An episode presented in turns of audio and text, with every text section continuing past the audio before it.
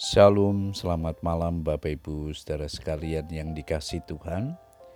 Kita bersyukur kepada Tuhan yang selalu menyertai kehidupan kita sampai pada hari ini.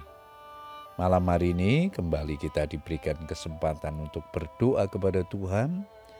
Namun sebelumnya saya akan membagikan firman Tuhan yang diberikan tema Peganglah apa yang ada padamu. Ayat mas kita di dalam Wahyu 2 ayat 25.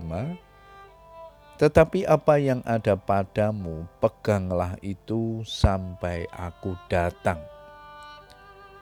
Bapak Ibu saudara sekalian, pada dasarnya manusia mudah sekali mengeluh, kurang bersyukur dan kurang menghargai apa yang ada padanya. Kita selalu melihat kekurangan diri sendiri dan melihat kelebihan orang lain. Kita tidak bisa menerima diri apa adanya. Dengan nada mengeluh, kita sering berkata, "Mengapa dia memiliki banyak talenta, sedangkan aku tidak? Mengapa mereka bisa seperti itu?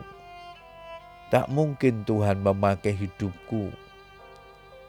Lalu kita pun berlaku seperti hamba yang menerima satu talenta, pergi dan menggali lubang di dalam tanah, lalu menyembunyikan uang tuannya.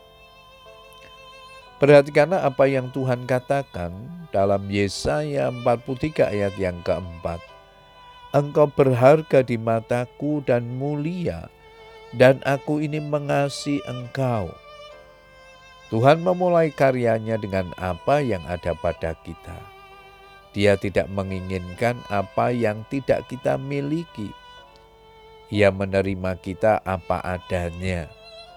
Berbeda dengan iblis, jika ingin menolong manusia, ia meminta banyak syarat dan nyawa sebagai taruhannya.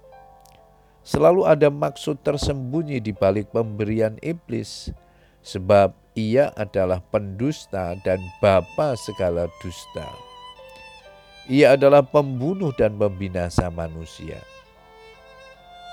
Ketika hendak diutus Tuhan untuk memimpin bangsa Israel keluar dari Mesir, Musa pun merasa diri tidak mampu.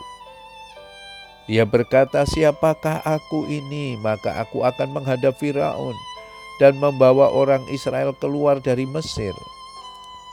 Keluaran 3 ayat 11. Berbagai alasan Musa kemukakan untuk menghindarkan diri dari panggilan Tuhan. Kemudian berfirmanlah Tuhan kepada Musa, Apakah yang ada di tanganmu itu? Jawab Musa, tongkat. Akhirnya hanya dengan tongkat gembala Musa yang sederhana, Tuhan sanggup melakukan perkara-perkara dahsyat dan membebaskan umat Israel dari perbudakan di Mesir. Demikian juga Elisa bertanya kepada janda nabi yang terlilit hutang. Beritahukanlah kepadaku apa-apa yang kau punya di rumah. Dua Raja-Raja 4 ayat yang kedua. Perempuan itu hanya punya sebuah buli-buli berisi minyak. Dengan minyak yang sedikit itu, Tuhan sanggup melakukan mujizat sehingga semua hutangnya dapat terlunasi. Bapak Ibu Saudara sekalian, syukurilah dan hargailah apa yang ada pada kita. Tidak perlu kita merasa minder atau memaksakan diri kita ingin menjadi seperti orang lain. Apa yang Tuhan taruh dan percayakan dalam hidup kita, biarlah kita lakukan dengan setia. Kalau Tuhan turut bekerja, hasilnya pasti luar biasa. Puji Tuhan Bapak Ibu Saudara sekalian, biarlah kebenaran firman Tuhan ini menolong kita untuk terus mempercayakan apa yang ada pada kita ke dalam tangan Tuhan. Karena apa yang tidak pernah dilihat oleh mata, apa yang tidak pernah didengar oleh telinga, dan yang tidak pernah timbul dalam hati manusia, disediakan Allah bagi orang yang percaya.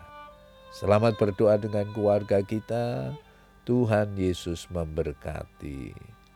Amin.